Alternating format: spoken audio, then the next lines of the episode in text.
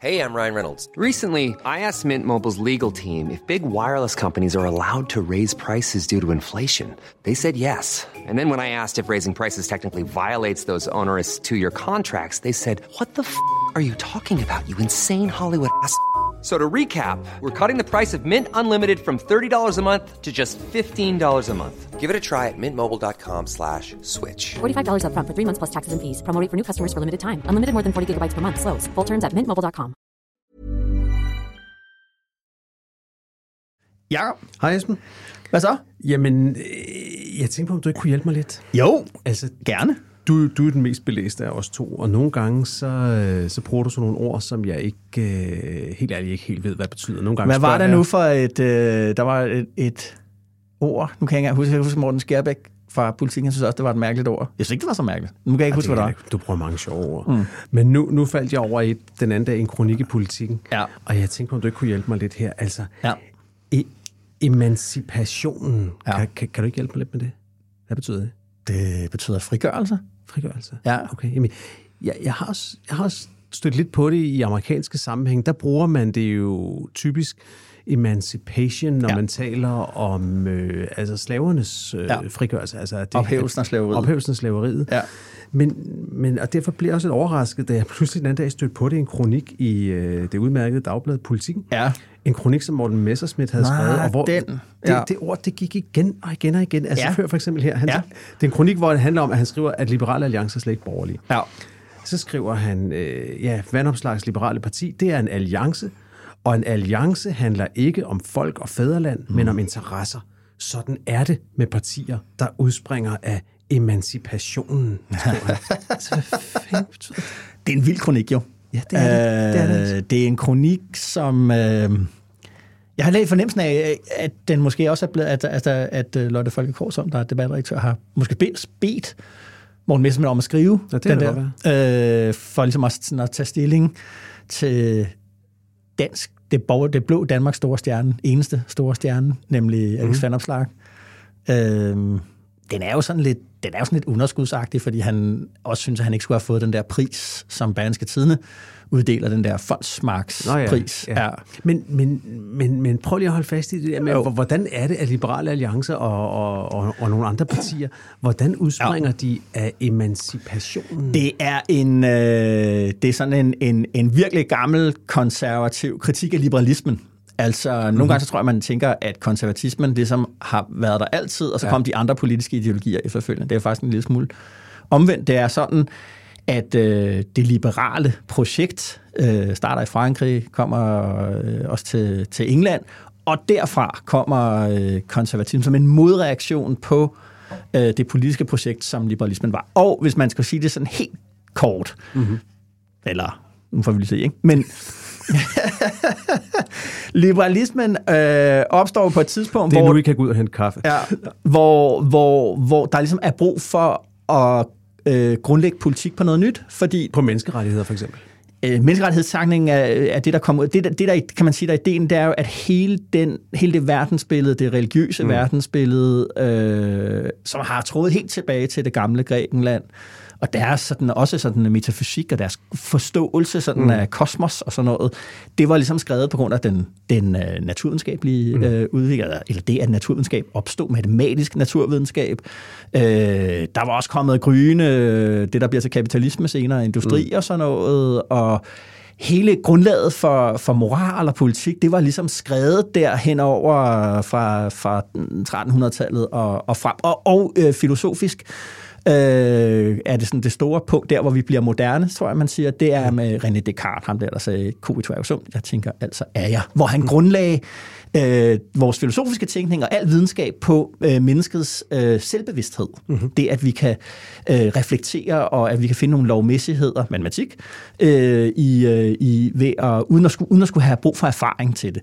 Og det gav sig så udslag til, øh, eller øh, fortsætter i øh, det, der bliver til liberalisme, nemlig ideen om, at samfundet skal grundlægges på en, en rationel kontrakt. Ja. Ikke på traditioner, ikke på vaner, men skulle have et nyt grundlag. Uh-huh. Og det er det, som konservatismen reagerer imod. Og det er det, som, når han siger, at, at fanopslag er en del af emancipationen, så er det det her med, at, at liberalismen er det, der emancipere samfundet fra den, den tradition, de er ja. rundet af. Og, og det, så det hele kronikken handler om, det er, vi skal tilbage til ikke at rende rundt og tænke, hvad der giver os fornøjelse, eller hvad vi har lyst til, eller kunne tænke os. Vi skal tilbage til at tjene fædrelandet. Ja. Vi skal tilbage til at Ja. tjene nationen, ja. og i et vis omfang også kirken, får han også nævnt. Jo. Øhm, og den bliver...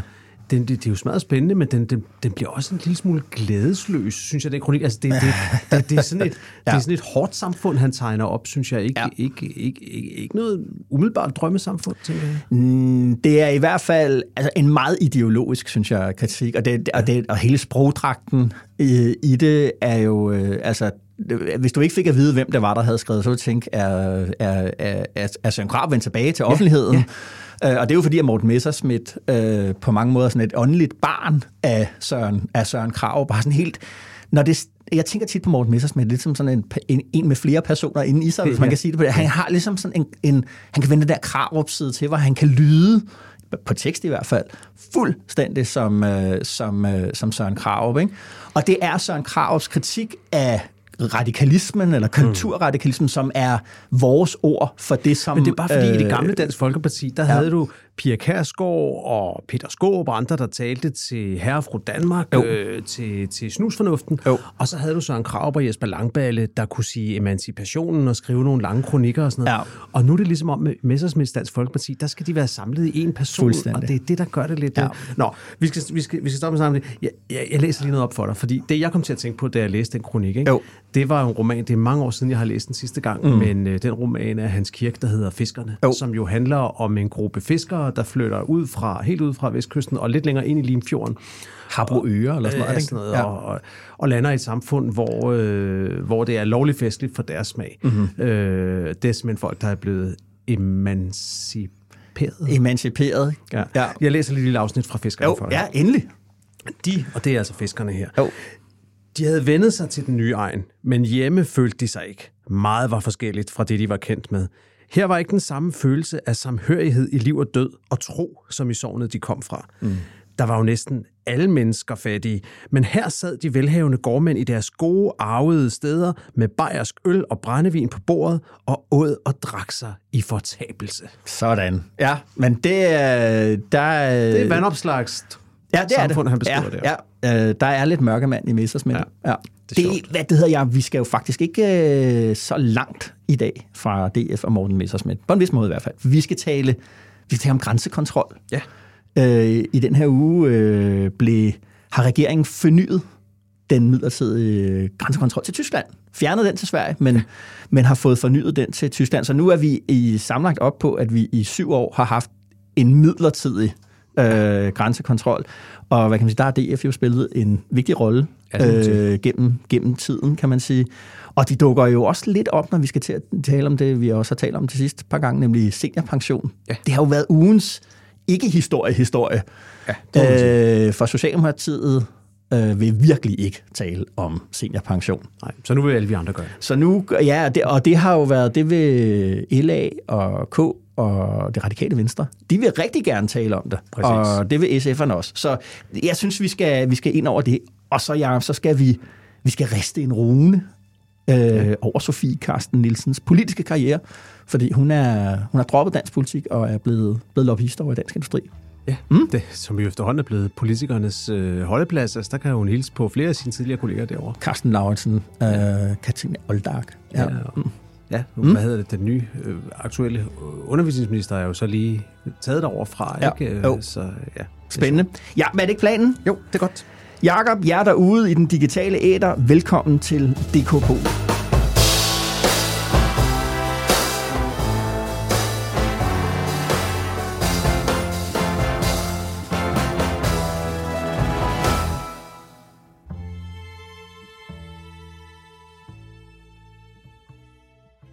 Fluen på væggen, Jakob, hvor vil du gerne have været en let, men med tiden også irriterende summen i lokalet? Jamen, der er vi i den grad tilbage i det jyske, hvor vi lige var med Hans Kirke og fiskerne lige før. For jeg kunne godt have tænkt mig at være over i de der øh, vestjyske, intramissionske miljøer ja. i kristendemokraternes kerneland, da Jo. deres nye formand i denne her uge trådte, frem på scenen, sådan vil jeg sige, første gang for alvor. Det gjorde han i et interview med Altinget. Jo. Og hvor han jo gik ud og sagde, at kristendemokraternes politik indtil nu havde været intet mindre end homofobisk. Ja. Wow. Og med det mente han jo, at øh, kristendemokraterne havde haft alt for travlt med at, øh, at blande sig i, hvordan folk bor sammen med, ja. med det her princip om, at et, øh, et øh, ægteskab er altid noget mellem en mand og en kvinde, sagde mm. det er alt for langt ind i soveværelset. Det skal vi slet ikke øh, gå og, og blande os i, hvordan, øh, Ja. hvordan folk lever. Det var, det var nye toner. Det kunne jeg godt have tænkt mig at se, hvordan det Hvordan de har taget det derovre. ned. Ja. Ja. Ja. Det var i det hele taget et, øh, et utroligt øh, godt interview, synes jeg, vores kollega Peter Ingemann havde lavet med, med Jeppe Hedeå, som han jo hedder, ja. Kristendemokraternes Ja. nye formand. Ja. Så der er blandt andet en passage, hvor, hvor, øh, hvor Peter, Altingens redaktør, han spørger, øh, vil du beskrive dig selv som woke? Og hvor øh, Kristendemokraternes nye formand øh. Ja. svarer højt og tydeligt, ja, det Ja. vil jeg, siger han. Mine børn har inspireret til at se nye vinkler, og det har været en spændende omstillingsproces. Jeg kan sagtens se en masse fornuft i det, men det er ikke fordi, jeg synes, alle komponenter er gavnlige. Jeg tror eksempelvis ikke på konstrueret køn, siger han. Så Aha. det er på plads. Det er ja. Spændende interview. Det er jo øh, kristendemokraternes problem, kan man sige. Det er, at, øh, at, at de med de gamle, kan vi så sige nu, holdninger havde svært ved at komme i Folketinget. Ja. Det kunne de ikke. Men spørgsmålet er, om det overhovedet kan eksistere uden øh, de Ja, der hvad er deres, det som en moderne øh, marketingsmand ville have sagt, hvad er nu deres point of difference? Ja, det er ja. det. Ja, og så kan man så lyser det jo ind på det der med kristendemokratiet som politisk bevægelse er jo enormt stor i Tyskland, mm. i Østrig, i Italien. Mm. Øh, det var også en, en, en bevægelse i, i, i Frankrig, og masser af dem, der øh, stiftede EU for eksempel, ja. de kom jo fra den kristendemokratiske bevægelse. Og kristendemokratiet har på den måde jo øh, i, i det resten af Europa spillet lidt den rolle, som Socialdemokratiet har spillet i Skandinavien, mm. altså med at designe deres type af velfærdsstater, som har netop det der meget fokus på eh, hele tiden at støtte op om, om familien. Mm.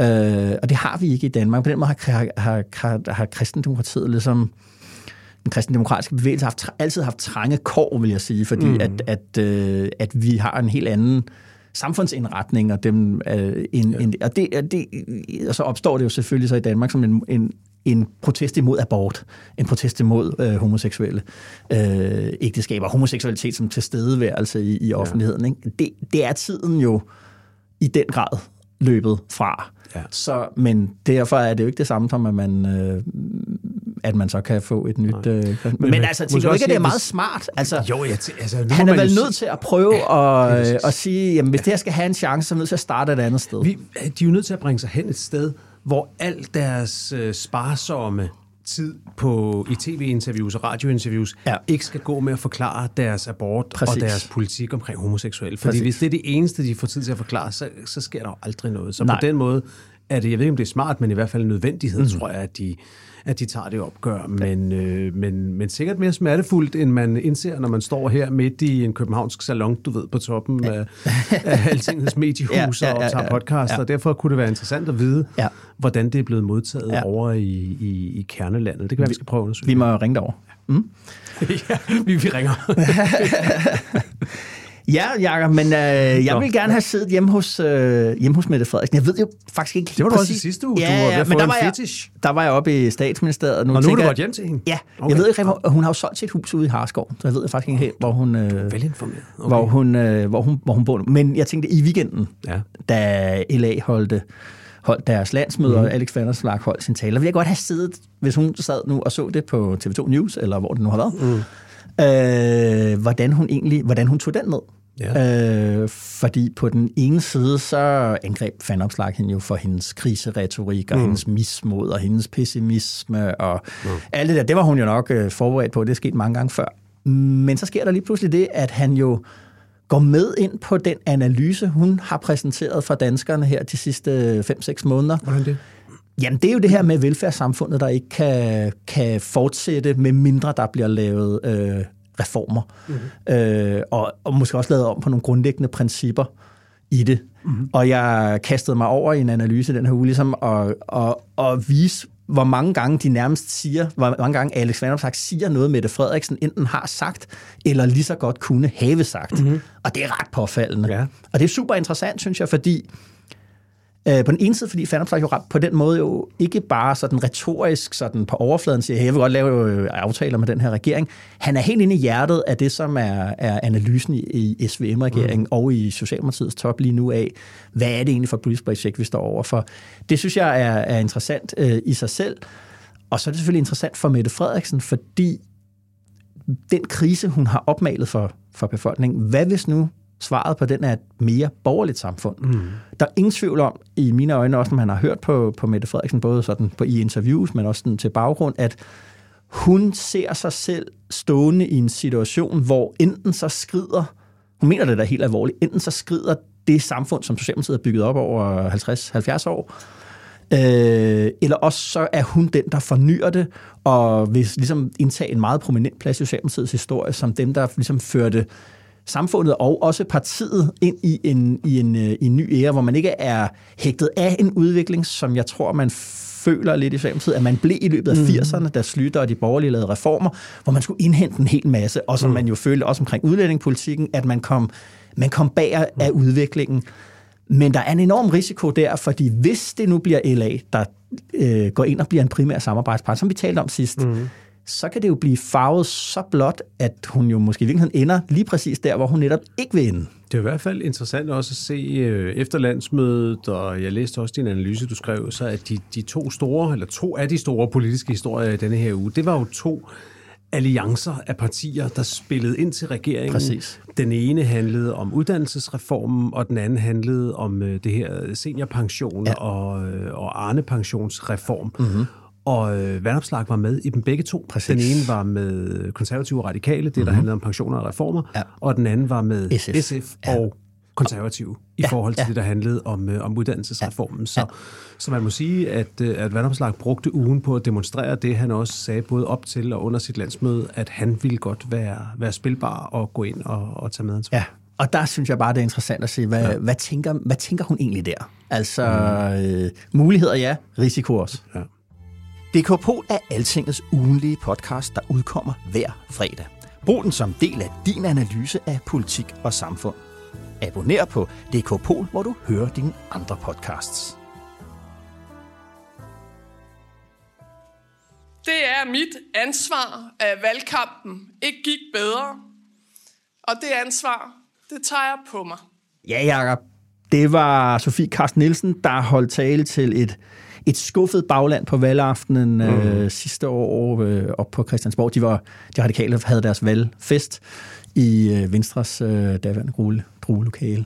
Mm. Øh, jeg var der, øh, da hun holdt den der tale. Det var meget, øh, ja, det, det var, var meget, var det ja. meget specielt, øh, fordi i den første halvdel, da hun holdt den her tale, tænker man, nu går hun af. Og det er også derfra, at den her bid er, hvor man tænker, jeg tager ansvaret, det er mig, der øh, hvad det hedder, står på mål for, for det her nederlag. Og, og, og det gjorde hun jo sådan set også, men ligesom dengang hun væltede med det Frederiksen, så gjorde hun det bare i slow motion. Ja, men hun gik jo over bagefter anden halvdel af tale var, du ved, hun blev på broen, og vi står sammen, mm, og alt mm. det der. Og så små 16 timer senere, så kan hun se på de personlige stemmetal, at, øh, at at opbakningen til hende er, er rigtig, rigtig lille, og så siger hun, at jeg ikke er politisk ja. Øh, leder mere. Ikke? Jo. Øhm, og nu er hun helt ude af dansk politik. Ja, nu har hun fået et nyt job i dansk industri. Øh, og der tænkte jeg ligesom, hun har været 11 år i politik, hun øh, er på den måde en del af, af det radikale venstres historie her fra, fra det store fald, eller hvad man skal mm. sige, der i 2001, altså hvor der lige pludselig så kan de borgerlige lave en regering uden om det radikale venstre, og de mister den der midterposition. Og det har jo ligesom, så har partiet jo prøvet på mange forskellige måder at komme tilbage mm. i, øh, i, i centrum af dansk politik. Og ved, ved det her valg, der sad man jo, det sad jeg og tænkte, de, hvis Mette Frederiksen havde holdt fast i blokpolitikken og ikke havde ment alvorligt det der med, at med midterregeringen, jamen så havde de radikale jo mm. de, de afgørende mandater. Men igen igen skete det så, at de andre politiske partier flytter sig, flytter sig i forhold til hinanden, flytter sig i forhold til, til, til, til deres an, grundlæggende anskuelser af, hvordan ja. politik er, og de radikale havner udenfor. Og det, det har der, hun jo ageret i. Ja. Jeg synes, det man må sige om Sofie Carsten Nielsen, det var jo, at, øh, at man kan sige, det der fældede hende var, at hun ikke turde i høj nok grad tro på sit eget projekt. Ja. I den forstand, at hun talte jo om midterregeringen længe før det blev moderne egentlig. Ja, ja. og det har de radikale jo også gjort længe. Ja. Men hun troede ikke i sidste ende på, Nej. at de borgerlige partier kunne lokkes med til det, og derfor turde hun ikke gå efter det. Hun var måske også, hvis man skal prøve at, at være lidt venlig i analysen, var hun måske mærket af, at hun overtog på et tidspunkt, hvor der, var, hvor der var behov for, at de radikale stillede færre ultimatumer, og Ja. ikke hele tiden satte Socialdemokraterne stolen for døren. Det havde de ligesom Ja. prøvet i overvis, og det var der ikke kommet særlig meget godt ud af. Nej. Men set i bagspejlet skulle hun selvfølgelig være gået meget mere målrettet efter den Ja. midterregering. Men altså, da hun vælter Mette Frederiksen der Ja. i, i sommeren 20...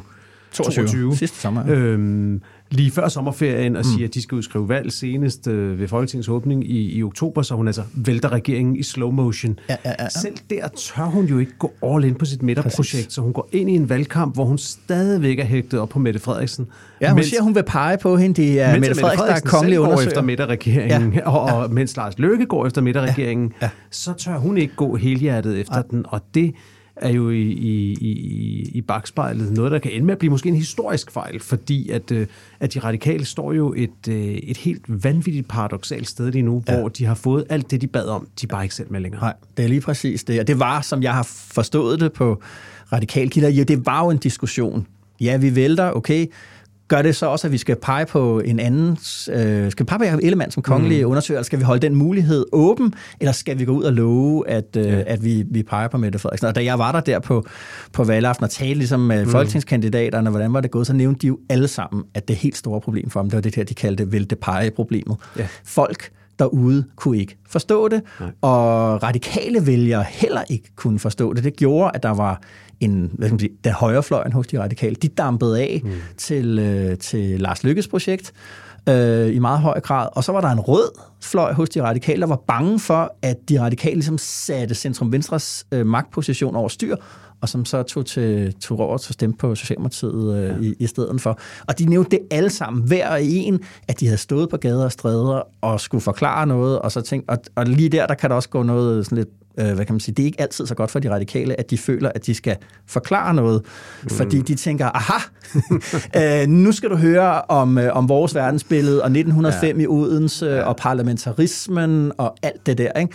Og det, de jo så ikke kom til at sige, det var, jamen, hvad får man for at stemme på de, på de radikale, ikke? Og det, det er egentlig, det bragte hende til, til fald. Ja, men på en eller anden sjov måde vidste man jo godt lidt, hvad man fik, at man fik en stemme på Mette Frederiksen, mens at man i meget Ja. mindre grad vidste, hvad man fik, hvis man stemte på Lars Løkke. Men for mange vælgere var det alligevel mere klart på en eller anden måde. Og det samme med Mette Frederiksen, der jo også gik ud og sagde Ja.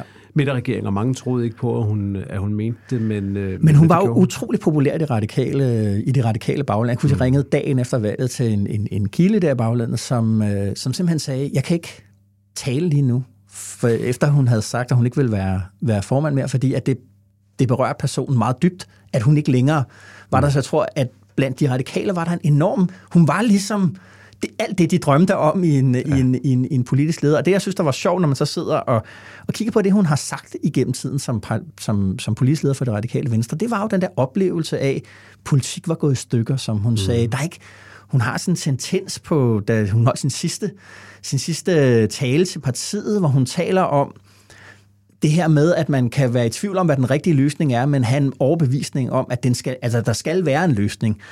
Og det var der ikke, som hun sagde, det, det var der ikke plads til. Hun følte, ligesom, det var et spørgsmål, om der overhovedet var plads til det i politik, hvor jeg næsten synes, det blev sådan en indrømmelse af, at partiet har svært ved at finde en plads, men måske også, at hun også selv har haft utrolig svært ved ja.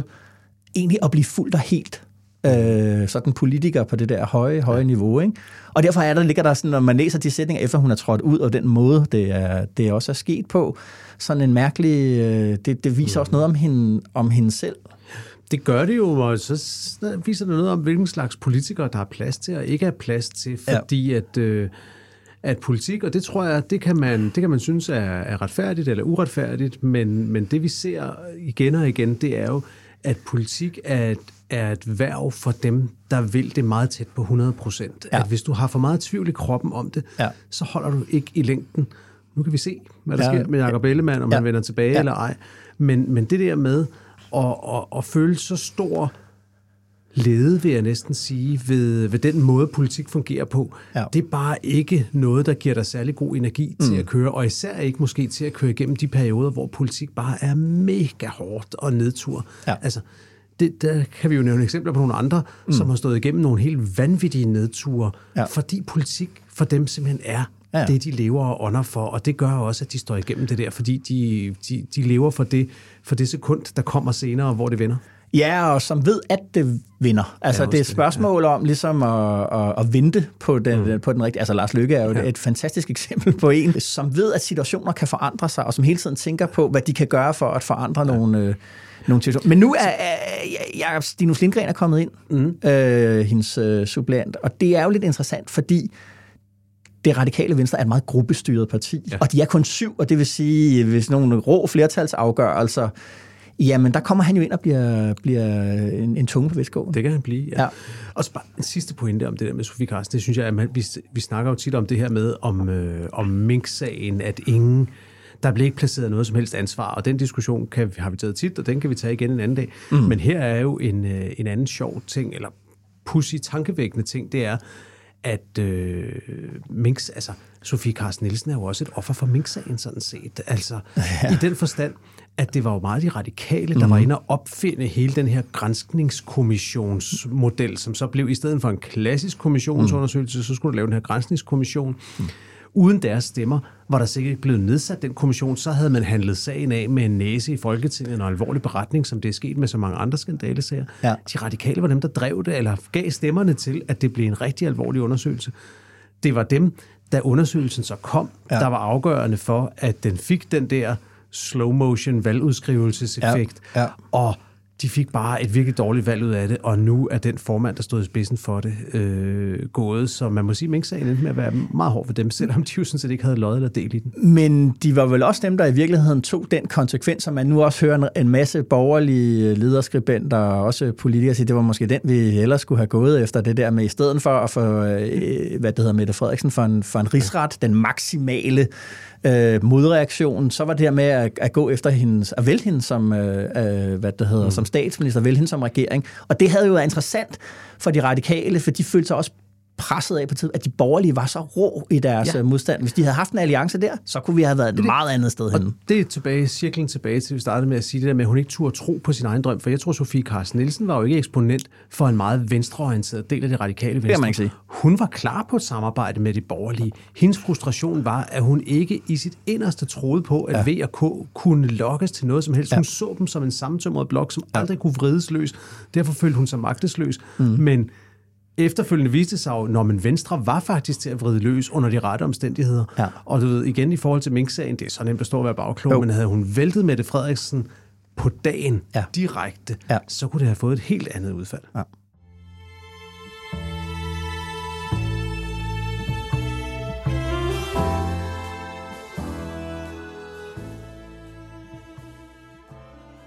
Et andet eksempel på noget, der er rødt og blåt. Vi afskaffer seniorpensionen og seniorjob. Men vi laver til gengæld en Arne Plus-ordning med nogle forbedrede muligheder for dem, der har behov for en, en værdig tilbagetrækning.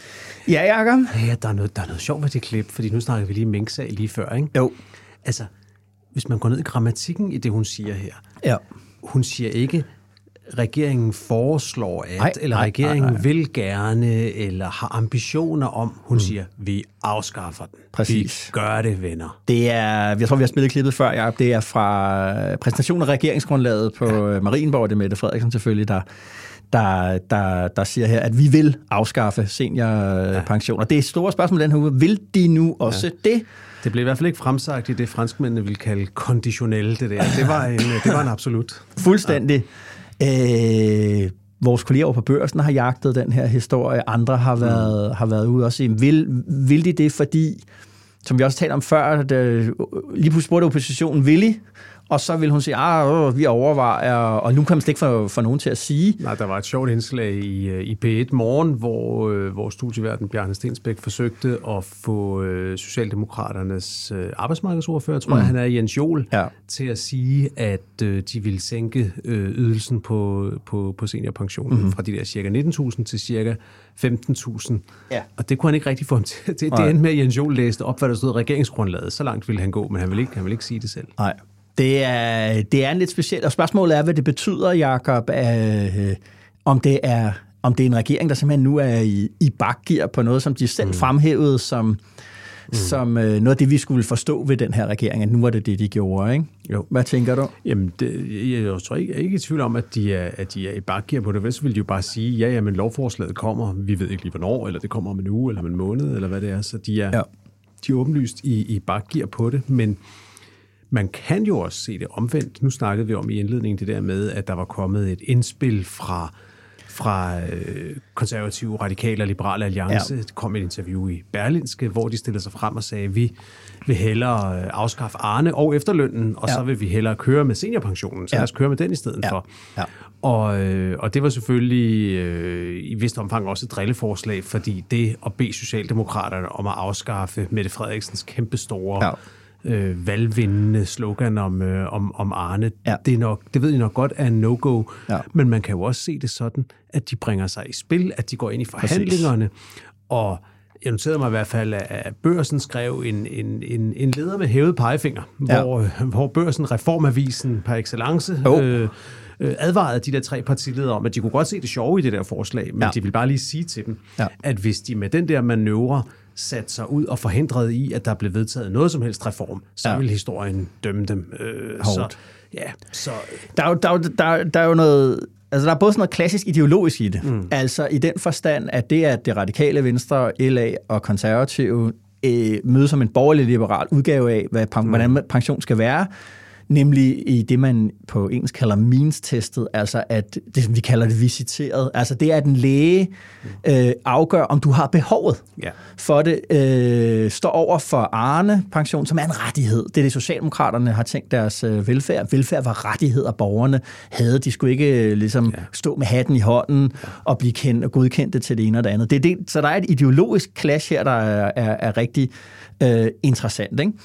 Øh, så, så virker det altså også for mig som om, at det, det der med, at man altså at Socialdemokratiet har været så glade for Arne, og så forelsket i historien om, hvordan det lykkedes dem at lave Arne, at de har troet ligesom, at det er det, folk gerne Ja går op i og gerne vil have. Og så gør det ikke noget, at vi fjerner den der seniorpension, som var lykkes modsvar der i de døende, døende minutter af, af hans regeringsperiode. Men sagen ved det er, at det, at folk er glade for den der seniorpension, og den er jo også meget mere brugt, Ja. og den er dyre, og du kan få den tidligere. Du kan få den seks år før, du skal på Ja. folkepension. Arne kan du først få tre år før, og, og ydelsen har været højere. Så på den måde, Ja. på den måde var den jo smart tænkt, mm. og man kan heller ikke frigøre sig helt fra tanken om, at, at, at den der ordning, som de så har i regeringsgrundlaget også, er lidt smart tænkt, og måske for smart, altså netop fordi folk vil faktisk hellere have det andet. Ja, eller er også vores, have den- øh, have også den- have det andet. ja. Ja. Jeg tror, du kollega over på weekendavisen, Arne Hardis, der sagde, at, at det regeringen lægger op til, det er jo at, at tage fra de syge og give til de trætte. og, og det er jo meget godt udtrykt, og den kan blive svær for Socialdemokraterne at forklare. Det kan godt være en rettighed, men, men dem, der rent faktisk øh, er, er nedslidt lidt før, hvad ja. med dem? Ja, og det, det, det, det jeg har så ringet rundt, Jacob, og mm-hmm. snakket forskellige steder. Nu så vi i går og i dag, at 3F's formand Henning Overgaard er ude og sige, skal vi lave en trepart øh, ja. på det her? Ja. Og øh, der ligger jo også det i regeringsgrundlaget, som fagbevægelsen har været meget glade for, nemlig det der med, den, at der skulle oprettes en permanent trepartsinstitution. Ja. Altså, øh, at man hele tiden skulle mødes med arbejdsmarkedets parter. Men det virker lidt som om, at først skal, alt, først skal alting vedtages, og så kan vi lave en trepart bagefter, når vi har afskaffet bededagen, Ja. ja. når vi har ændret pensionssystemet. Når Ja, vi har, men her er, er der i hvert fald, nu er det så også øh, officielt, men, men, men de tanker har været, kunne fagbevægelsen er interesseret i, at der kommer ro på, mm. som de siger, pensionsområdet. Mm. Øh, og i virkeligheden mener jeg også, at de borgerlige har en interesse i, at der kommer ro på pensionsområdet, for de tabte folkeafstemning om Arne i 19, og de vil ikke, jeg tror, de vil have meget, meget svært ved at gå op imod socialdemokrati øh, på et pensionsspørgsmål, fordi socialdemokraterne altid vil kunne mere, end det de selv kan. Øh, så de har også en interesse i at sige, må, kunne vi ikke få afpolitiseret det her? Kunne vi, få det, kunne vi lave en deal, der gør, at det her ikke kan blive en emne mm. i, en, øh, i en valgkamp? Og, øh, og, og, og til sammen synes jeg, at uh, man godt kan se, hvad der hedder nogle bud på, hvad det, hvad det, hvad det kunne være, øh, hvis, øh, hvis øh, Socialdemokratiet jo også gerne vil ind og lave den her deal. Hvordan, hvordan det? Jamen altså, øh, man kunne jo forestille sig, at man siger, nu laver vi en helt ny ordning, mm. som ligner det der, man foreslår omkring øh, Arne Plus. Mm. Så kan man sige, kan vi skrue op, kan man få det øh, lidt tidligere, fire år, fem år, øh, noget før stadigvæk på den der lidt lavere øh, mm. ydelse, og så afskaffer vi øh, efterlønnen, vi afskaffer seniorjob, seniorpension. Mm altså fjerner alt det der, har vi et system stadigvæk, hvor du kan gøre, have det rettighedsbaseret på den ene side, år på arbejdsmarkedet, hører også nogen tale om det. Men det kunne også være antal år, man havde været medlem af en A-kasse. Det, er ja, det kunne fagbevægelsen tænke sig. Ja. ja, det kunne fagbevægelsen nemlig godt tænke sig. Det kunne være noget af det, de ligesom mm. fik, fordi jeg tror, det Socialdemokratiet måske også har brug for her, det er, at der netop står sådan nogle Henning Overgaard, øh, Claus ja. Jensen, øh, Anja Jensen fra HK, og mm. siger, at det her, det er, det her det er faktisk en god, øh, en, en god deal, for det er ved at blive en kattepine. Ja. Det er jo også en kattepine, fordi at man, altså, der, er jo, der er også en meget arbejdsudbud, der kan, der kan hentes øh, på, en, på, en, på en forening, afhængig af, hvordan det bliver, bliver skruet sammen. Men, men tanker som dem her kredser, øh, både på Christiansborg og uden for Christiansborg, siger, kunne vi lave den der helt store pensionsdeal? Ja. Så det nationale kompromis, ja. som lukker den, den ja. snak. Det tror jeg sikkert er en meget sandsynlig, øh, et meget sandsynligt forløb, vi kommer til at se. Ja. Jeg er meget skeptisk over for tanken om, at man kan afpolitisere det her område. Jeg tror, ja. at noget af det første, der skete i politik, da jeg begyndte at, dække det, det var, det var Nyrups øh, efterlønsløfte Præcis. tilbage i 90'erne. Øh, det var sådan set også et forsøg det var på at, at, at lukke det her en gang for alle. Så kom... Ej, det var vel også en, en, en valgkampsting? Ja, det var altså, en valgkampsting, men ja. altså, det var jo et forsøg på at, at, at udstede den garanti og sige, det her, det kan I stole på. Altså, ja. der kommer til at ske mange ting ja. i verden, men ja. det her, det kan I stole på, ja. og det kunne man så ikke helt stole på, Nej. for så lavede de jo så en ordning bagefter, som apropos også mm. var en lille smule smart, for smart for mange vælgere. Det blev ja. et kæmpe problem for Socialdemokraterne. Ja. Og, øh, og, og grunden til, at de lavede den, det var jo ikke, fordi de havde lyst til at snyde deres vælgere. Det var, fordi de efter valget igen prøvede at fremtidssikre det. Prøvede ja. at lave noget, der var holdbart, så ikke skulle skændes om det hver gang.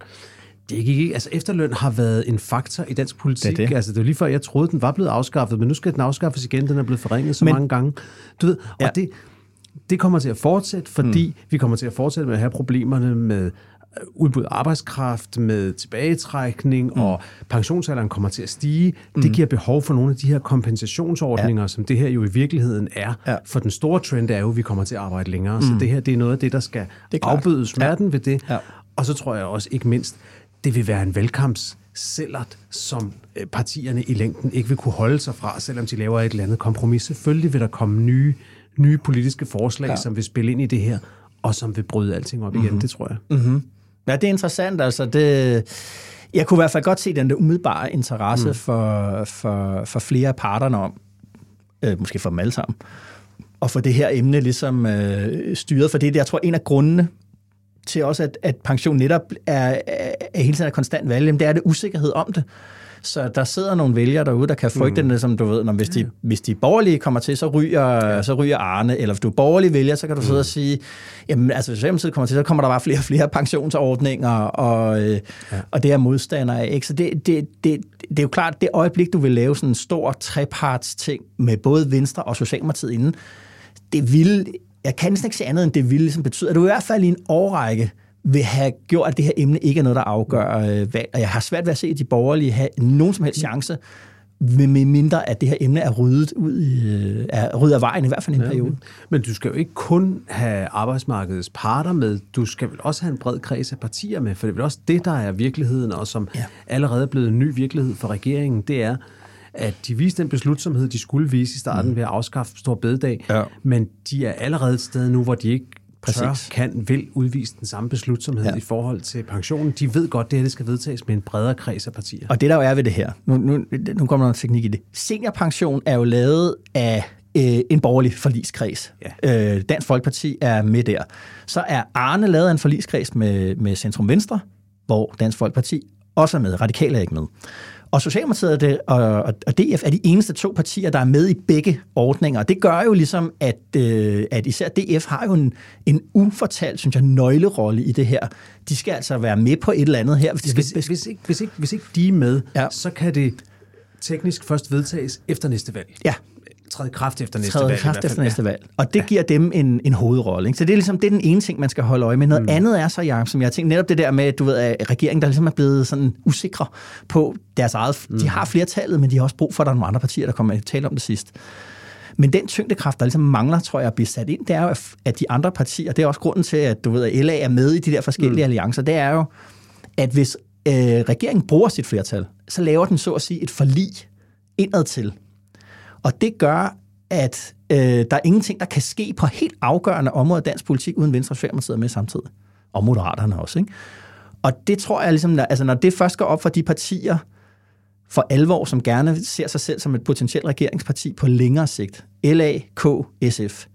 Det er jo det, der skal trække dem ind i de der beslutninger, for de sidder og siger, jamen, jamen, hvis vi ikke er med her, så, har, så står vi udenfor ja, de områder, regeringen beslutter sig for at, øh, at træffe beslutninger om, så er vi lige pludselig ikke med uden dem. Det, det, det er Dansk Folkeparti jo eksemplet på lige nu. Præcis. Det, decimerede som de er, Ja. så har de takket være deres forligsdeltagelse tilbage Ja. i tiden nu nogle håndtag, som, øh, Præcis. som gavner dem. Præcis, og det tror jeg bare, altså, og der kan man mm. sige, hvis regeringen ikke tør bruge sit flertal, ikke, så, så er den der trussel derom, hey, vi skal, I skal være med her, fordi ellers så, så står I simpelthen udenfor, mm. og, og så, er I, så er vi afhængige på alle mulige måder.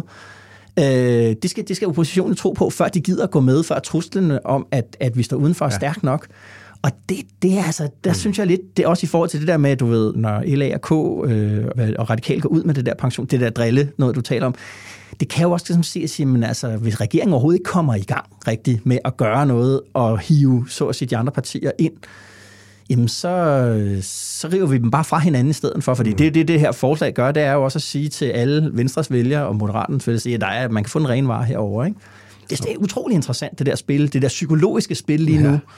Og det er jo tegn på, at vi alle sammen, øh, det gælder politikerne på Christiansborg, det gælder sådan set også dem i regeringen, tror jeg, og det gælder os, der prøver at, at beskrive og forstå det. Vi er alle sammen stadigvæk i færd med at forstå, Ja. hvad mekanismen er ja. i den type regering, vi lige har fået, for den har vi ikke været vant til.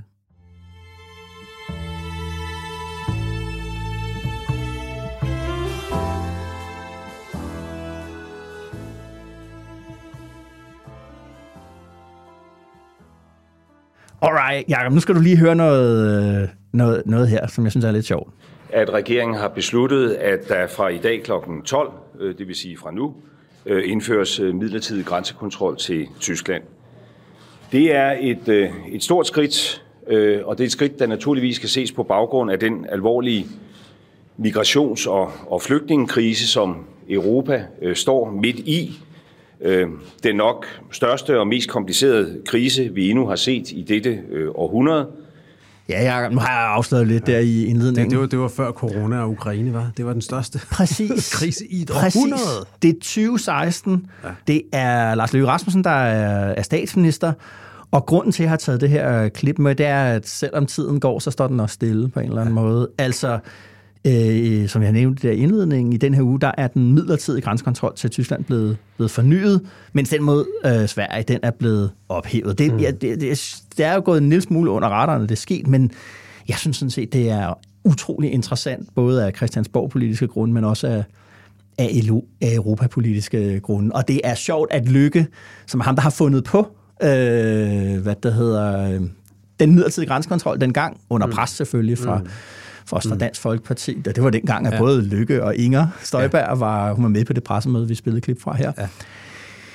Men sagen ved det er jo, at, at den der med, at vi har den øh, ved Tyskland midlertidigt og fået ophævet en Sverige, det er et, et det kompromis indadtil i, i regeringen. Det er ret klart. Øh, Det bliver også sagt åbent, øh, i hvert fald sådan til baggrund, at jamen, Lykke han vil egentlig helst have den helt fjernet du ned Tyskland. Man, man, man kan bare læse pressemeddelelsen. Det er, Ja. en, af de, det er en af de mest pudsige pressemeddelelser, jeg har Præcis. set. Det er jo en pressemeddelelse udsendt af Justitsministeriet. Og her kan man også se, apropos det, vi snakkede om lige før, at vi har en koalitionsregering. Ja. Fordi hvem dukker op midt i den pressemeddelelse fra Justitsministeriet? Ja. ja det gør Søren med udenrigsministeren, som er fra et andet parti. Hvad Ja. laver han i den pressemeddelelse? Præcis. Og det han laver, det er, at han siger det modsatte af justitsministeren. Ja. Fordi, fordi først er der en udtalelse fra justitsminister Peter Hummelgaard, der forklarer, hvorfor det egentlig er nødvendigt at opretholde grænsekontrollen til Tyskland.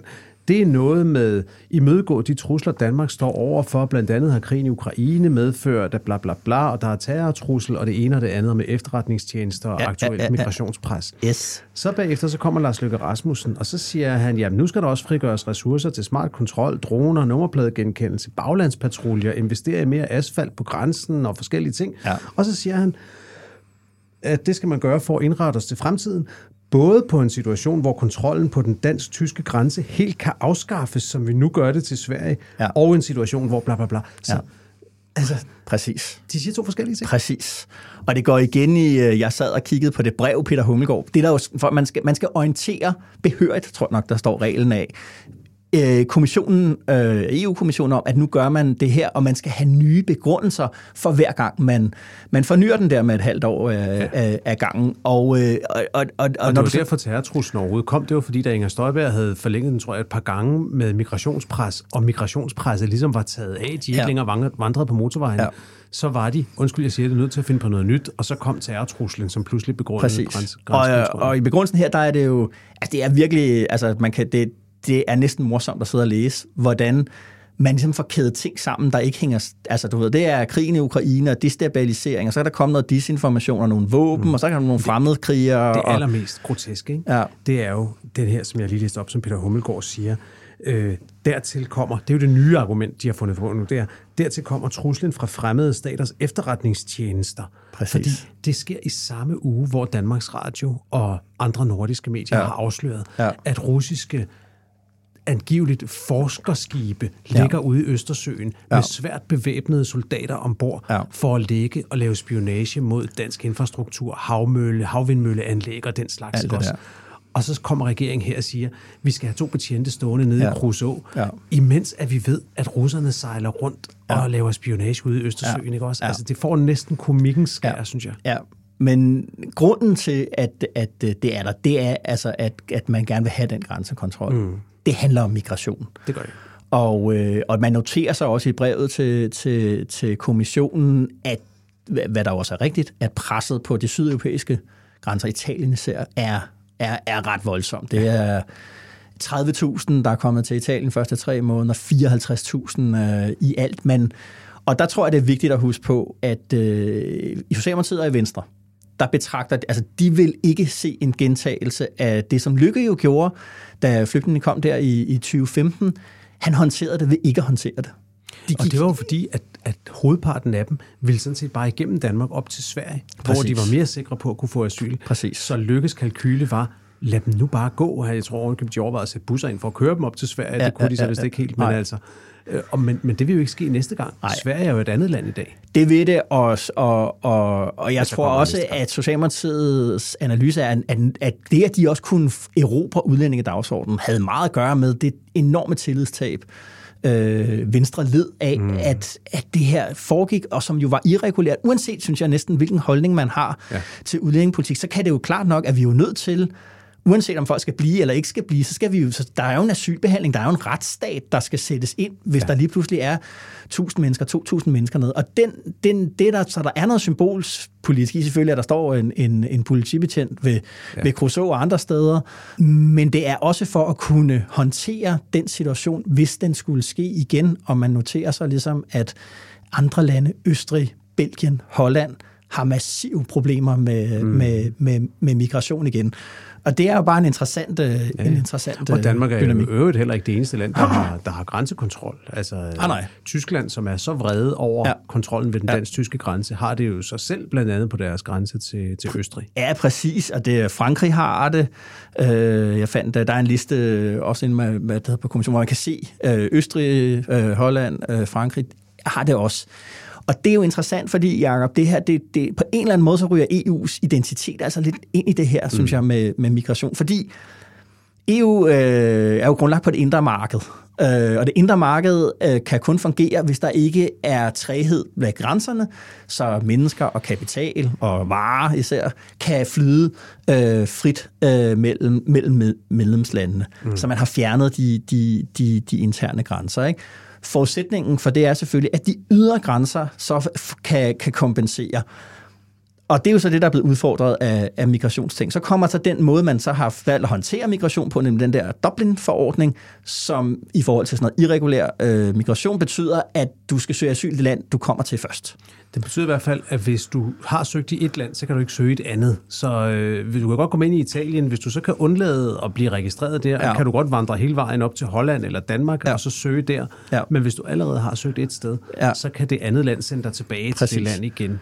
Og det fungerer ikke. Øh, det der med at sende mi- migrant, det fungerer i hvert fald ikke i, altså man har, jeg har forstået, at, at, at man, altså tyskerne har for eksempel haft nogle meget høje, så vi har 70.000 her, som egentlig skulle søge asyl i et andet land, øh, men man har kun lykkedes med at få, få sendt hvad, hvad sådan noget, få tusind tilbage mm. øh, i, i, til, til det land. Men, den, men den- samtidig, EU-land. Danmark sender hvert år hundredvis af flygtninge tilbage til andre EU-lande, fordi at de har søgt andre steder før. Ja. Ja. Så det er ikke fordi, Ja, den vi er har helt, haft en, en, en vis held med det på et, et, et, et, et, øh, altså som land selv, men ja. EU har store problemer, fordi det der jo ligesom er problemet, er, det, at det, du vi mangler, have det vi mangler, uanset om man synes, det er en god idé eller ej, Ja. ja. vi mangler et indre marked for flygtninge, for migranter. Ja.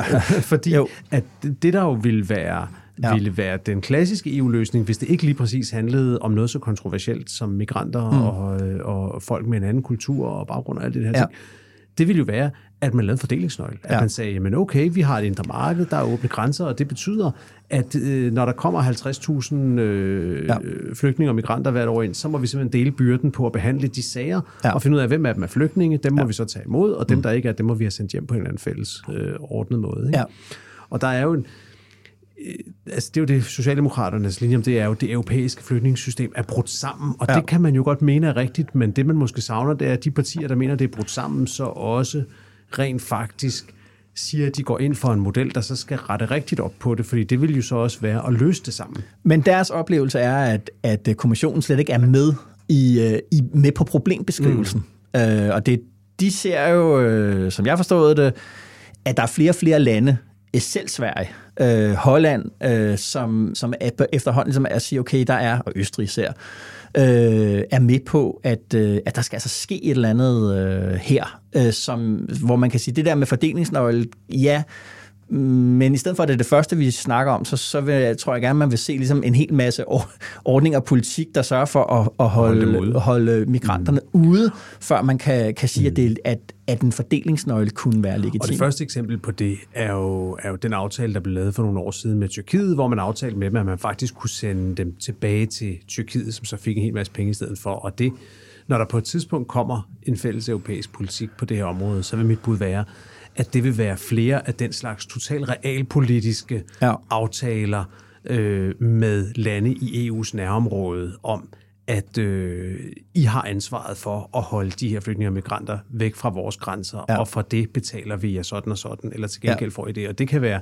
nordafrikanske lande, det kan være Serbien, det kan være Ja. ja. Tyrkiet, det kan være andre lande. Ikke? Men tror du ikke, at EU først rykker der, det øjeblik, det bliver klart, at, at, at hvis de ydre grænser på en eller anden måde ikke kan fungere ordentligt, Dublin-forordningen ikke fungerer ordentligt, så kommer de indre grænser, så ryger, i virkeligheden, så ryger Schengen, så ryger det indre marked. Du skal, man skal jo helt derind, hvor man ligesom siger, at, at selve det EU på mange måder handler om den der, de åbne grænsers politik, mm.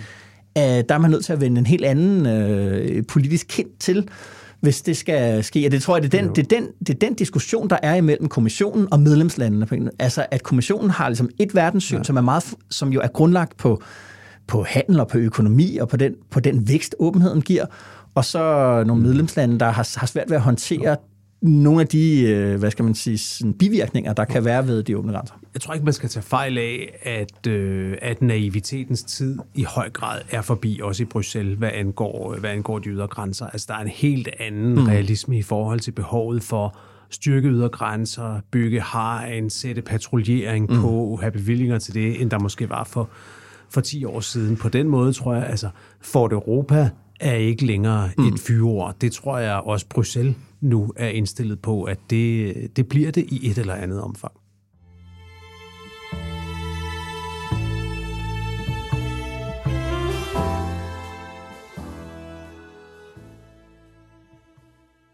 Jakob, så er det i den her weekend, at jeg skal have nummer på ryggen, som man siger, og stikker ud på 176 km benhård øh, gravel race fra Ribe til Tønder til Ribe. Den har også været længe undervejs. Ja, den er, den er blevet talt op. Ah, det Ja, det er den. sige. Øh, Hvad, er, hvad, hvad er målsætningen her? Kan vi få... Øh, Åh, er ja, der det ved kommet, jeg ikke. mål, Øh, eller skal du ud og ligge og køre race, eller hvad skal du? Jamen, jamen, jamen, det er ligesom lagt op til det. Er blevet- Det er så langt, at øh, løbsledelsen, den arrangerer løbsarrangørerne, lægger op til at sige, at de, det her det er ikke på den måde en, sådan en, det? en, en 176 km. Okay. Så jeg synes selv, at det er Og sådan ikke lidt... på, ikke, på, ikke på klassisk landevej. Nej, nej. Grus og stranden og, og asfalt også, ja. Øh, jeg ved ikke, hvad målsætningen Målsætningen er vel øh, sådan noget 6,5 timer, 6 timer eller andet. Øhm, hvad det hedder, du følger jo selvfølgelig med på min Facebook og ser, hvordan det går, men, øh, men hvad skal du ellers?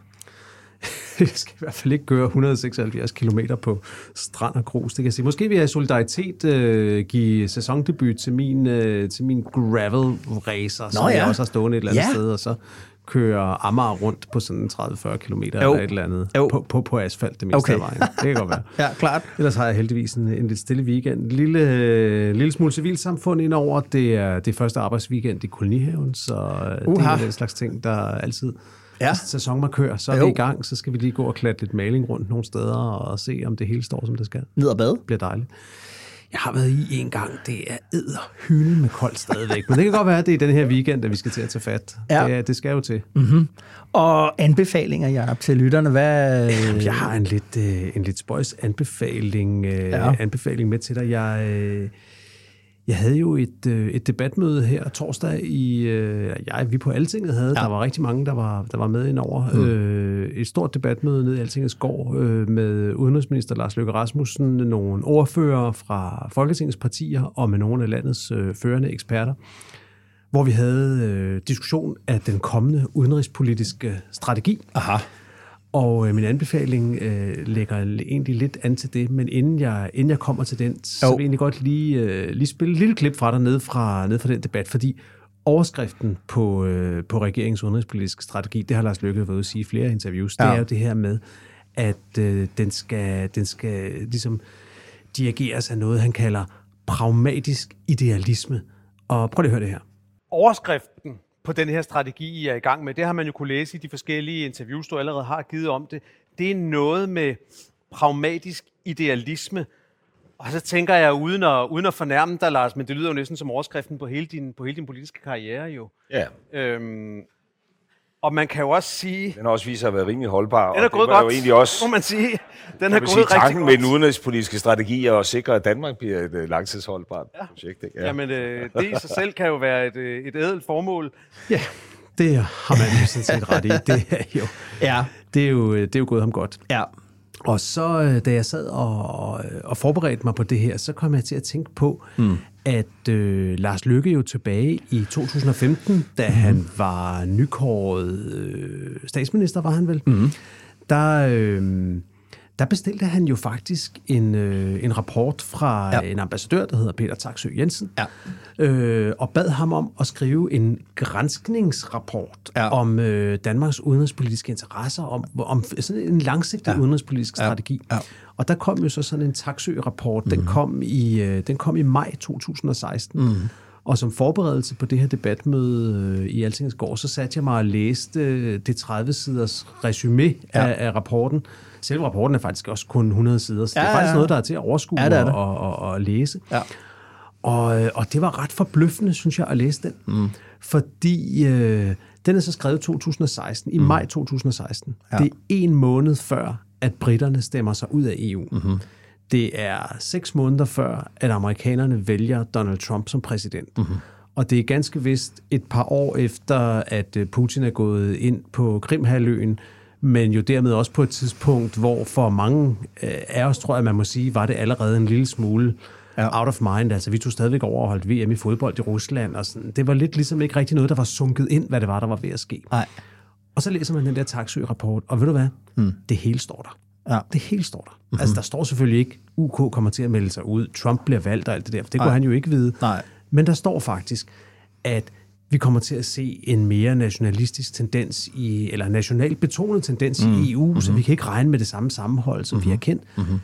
Der kommer til at ske nogle ting i USA, så vi ikke vil kunne regne med USA på samme måde. Mm-hmm. Rusland er den helt store trussel. Vi kommer til at bruge flere penge på territorialforsvar. Mm-hmm. Du ved, det er, helt, det er 2016. Når jeg ja. tænker på, at den udenrigspolitiske strategi, som bliver lagt i arkivet nu, mm-hmm. den kom i januar 2022. Det er ja. kun lidt mere end et år siden. Ja. Og når du læser den i dag, ja. så er den helt forældet. Ja. Altså, den er helt væk, fordi ja. at den sætter prioriteterne helt, helt, helt forkert. Mm-hmm. Og der synes jeg, hatten af for, øh, for Taksø-rapporten okay, ja. af Peter Taksø selv, og for alle de eksperter. Der er en bred vifte af eksperter, ja, som, ja. som hjalp øh, ja, med at, at skrive den rapport, både, ja. både i ministeriet og folk uden for ministeriet. Ja.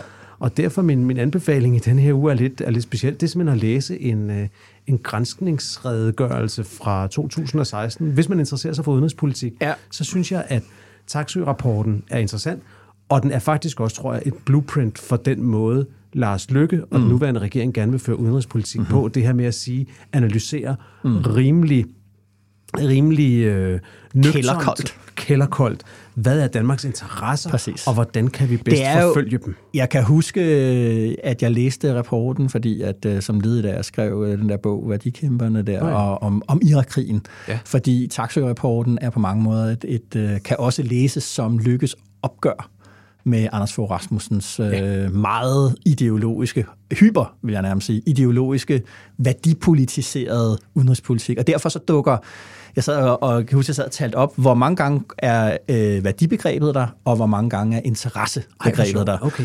Og det var bare meget tydeligt at se, at, øh, at Taxo-rapporten geninstallerer ideen om en national udenrigspolitisk interesse, som er det, der er målet. Og værdier, det er så noget lidt ude i, i, i kanten af det. Og det er jo, hvor Danmark øh, genindtræder i rollen som ja øh, småstat, øh, som, som, som skal være, have nogle meget specifikke, også geografiske øh, interesser. Ikke? Og det er ja. det, der gør den der taxirapport så, så interessant, at se det som et... Som, I hele taget kan man se rigtig meget det, Lykke har gjort som venstreformand, men også som moderat øh, formand. Øh, det er et opgør med Anders Fogh Rasmussen, og det er taxirapporten en del af. Det er den, og, og, og, og så, hvis vi dykker så langt ned i den, så, så er der også nogle interessante paradoxer i det, fordi et, et par ting om Peter Taksø, som øh, PT ja. er Danmarks ambassadør i Japan. Det har ja. han været en del år. Mm. Øhm, han var jo manden, der skrev det juridiske notat, mm-hmm. som mhm. Per Stig Møller og Anders Fogh Rasmussen ja. brugte som ja. finblad for at gå ind i Irak, ja. og som i mine øjne måske er et af de mest... tror jeg, det hedder. Han, var jo, han var jo chef for Folkeretskontoret. Det var ja. ham, der skulle skrive det notat, hvor man skulle afgøre, om der var FN-mandat til at gå med i den Irak-krig. Ja. Og det er jo i mine øjne et af de mest misforståede notater i, øh, i, i mange, mange år i dansk politik, måske nogensinde, fordi at regeringen brugte det som argument for at gå ind i krigen, og derfor øh, er det blevet udlagt som om, at det notat sagde, at der var FN-mandat, men det gjorde det slet ikke. Mm. Det, der stod i det, FN eller i, i det notat, det var, at der jo havde været en, øh, en situation, hvor NATO-landene havde bombet Serbien i mm. forbindelse med krigene på Balkan, mm. uden FN-mandat. Ja. Og så konstaterede Peter Taksø, altså i mine øjne et diplomatisk mesterværk, så konkluderede han jo, at der for så vidt var lige så meget FN-mandat til Irakkrigen, mm. som der havde været til den bumpning dengang, som der vel at mærke ikke havde været FN-mandat til. Ja. Så der stod sådan set, at der ikke havde været FN-mandat. Der stod mm. bare, at vi har gjort det før, venner, ja. så vi kan gøre det igen. Det ja. var, og så en sidste ting om ham, hvis jeg må ja. fortsætte mit rant om det. Jo. Han var jo så ambassadør i, i Washington, og uh-huh. det var han også i, i den periode, hvor, hvor jeg selv var korrespondent derovre. Mm. Og der er en ting, jeg kan huske, så mødtes man jo nogle gange med ham helt professionelt. Det er ikke en, jeg har omgang med privat, øh, men... Øh, men, men, øh, men der kan jeg huske en gang, jeg talte med ham, og det her det har været tilbage i 2012-13 stykker. Mm. Og hvor, øh, hvor der var meget snak om Kina, og hvad de kunne med tech, og hvordan de kunne lave spionage og sådan noget. Og så sagde Peter Taksø, det kan jeg huske, så sagde han, man skal bare huske, at dem, der er de rigtig farlige der, det er russerne. Mm-hmm. De er i gang med nogle ting, som er helt vilde. Og det var altså igen fire år før, at russiske øh, ja. hackere de, øh, og, og andre, at hele deres, øh, hvad hed det der, Internet Research Agency oppe i St. Petersborg, ja. de aktivt benyttede Facebook til at påvirke det amerikanske valg. Mm. Det, øh, det var første gang, jeg hørte om det, da, mm-hmm. da han sagde det der. Så øh, altså, det kan være, at, øh, at øh, det ham, Lars Lykke, skal lige have, have til at læse korrektur på den nye udenrigspolitiske strategi, når, når den kommer. Indtil der kan man læse den gamle. Ja, sådan. Hvad har du med til os? Jamen, jeg, jeg synes, altså, du taler lidt for meget om konkurrencestaten i den her øh, podcast. Jamen, jeg ved det godt. Undskyld, undskyld, undskyld, altid om, hvordan dansk politik og den her regering i særdeleshed centrerer sig om ja. mobilisering af den danske humanressource til efficient arbejde. Øh, så nu har jeg læst en øh, spændende artikel i Harper's Magazine om arbejdets betydning for mennesket. øh, eller hvordan vi øh, legitimerer ligesom, vores arbejde. Hvad er målet med at gå på arbejde okay. øh, for os? Artiklen den hedder The Age of the Crisis of Work, det kriseramte arbejders tidsalder. Øh, det er meget fokuseret på USA. Mm-hmm. Øh, Harper's er jo et, et amerikansk øh, tidsskrift. Og på hele den der diskussion, som fylder måske mere i USA, end den gør herhjemme, men altså alt det der med selvpensionering og ja. det der quiet quitting, uh, quiet quitting, det er det her med, at man, man kun laver lige præcis det minimale, der skal til for, ja. at man tilfredsstiller sin, uh, sin uh, ansættelseskontrakt, mm-hmm. og ikke mere. Uh, som jo selvfølgelig er måske særligt i en amerikansk sammenhæng, er sådan lidt, uh, de, de, de, der har man jo dyrket arbejdet som en, en, en ideologi, man taler også i USA mm. om, om workism, altså, ja. uh, som ikke betyder arbejderisme på dansk, men altså, at man dyrker arbejde. Og det, jeg synes, der er det, der er en interessant pointe i den der tekst, som jeg synes er, er værd at spekulere over, det er, for det første gør han opmærksom på ham der, at ideen om, at øh, arbejde er en, er, en, er en platform for selvrealisering, det er ikke en ny idé. Det her tror jeg nogle gange, vi ligesom tænker, det er sådan noget, der kom i nullerne eller sådan noget. Ikke?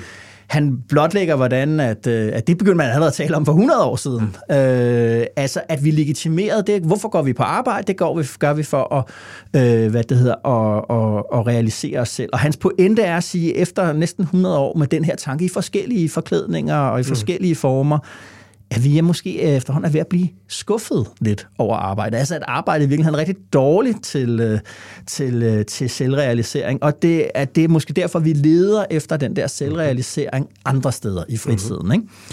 Og øh, hvis det er rigtigt, altså der er en forandring af vores ja. øh, arbejdsetik, hvis man kan kalde det noget, så er det måske noget af det, der kan, som, som Mette Frederiksen også er op at slås med, fordi hun står og siger, glem det venner, I skal arbejde mere. Ikke? Ja. Hun har ligesom taget helt klart stilling til det der. Ikke? Og der tænker jeg ligesom, jamen, hvis vi skal arbejde mere, så har vi brug for en årsag til at skulle ja. øh, arbejde mere. Og har hun egentlig den, og er Mette Frederiksen sådan en helt stor værdipolitiske opgave i virkeligheden at få fortalt danskerne med succes, ja. hvorfor skal vi gå på arbejde? Ja, fordi mange af de reformer, som vi talte om tidligere i udsendelsen også, det er jo det er nogen, der retter sig mod en meget, meget klassisk del af arbejdsmarkedet, og som stadig udgør en meget stor del af ja, arbejdsmarkedet. Ja, ja, ja. Folkeskolelærer, sygeplejersker, politibetjente, det er en kæmpe stor del af, ja. af arbejdsmarkedet selvfølgelig. Ja. Men der er også bare en helt anden del af arbejdsmarkedet, hvor folk i langt højere grad, og det gælder måske også folkeskolelærer, også sygeplejersker, hvor man indretter sig på en måde, ja. så man faktisk selv bestemmer, hvornår man stopper. Ja. Altså, det kan da godt være, at jeg først kan få den og den ydelse, når jeg bliver 62 ja. eller 64 eller 70. Ja.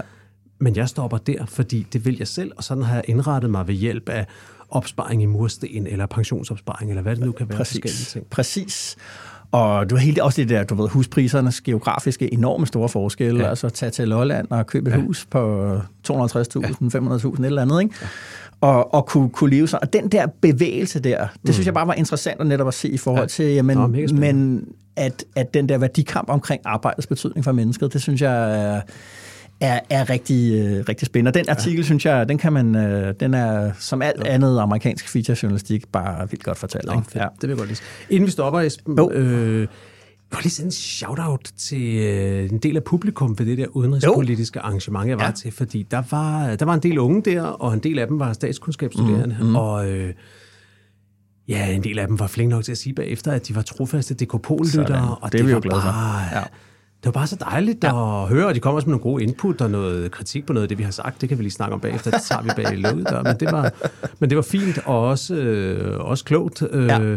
Så øh, tak for at møde op, og øh, jeg vil bare sige, det er simpelthen en glæde hver uge at ja. høre fra DKP-lytterne med både dem, der øh, finder unøjagtighederne i de, i de mange ting, vi får ja, sagt, bestemt. og også dem, der kommer ind med modsigelser og siger, at det der, det var jeg simpelthen så uenig i. Ja. Det synes jeg er noget af det sjoveste ja. ved, at, ved at lave det her program. Så hvis man er nået så langt her, så bare tak for det. Ja, Jamen, øh, så siger jeg, det siger jeg også tak for, og tak for den her uge, Jacob.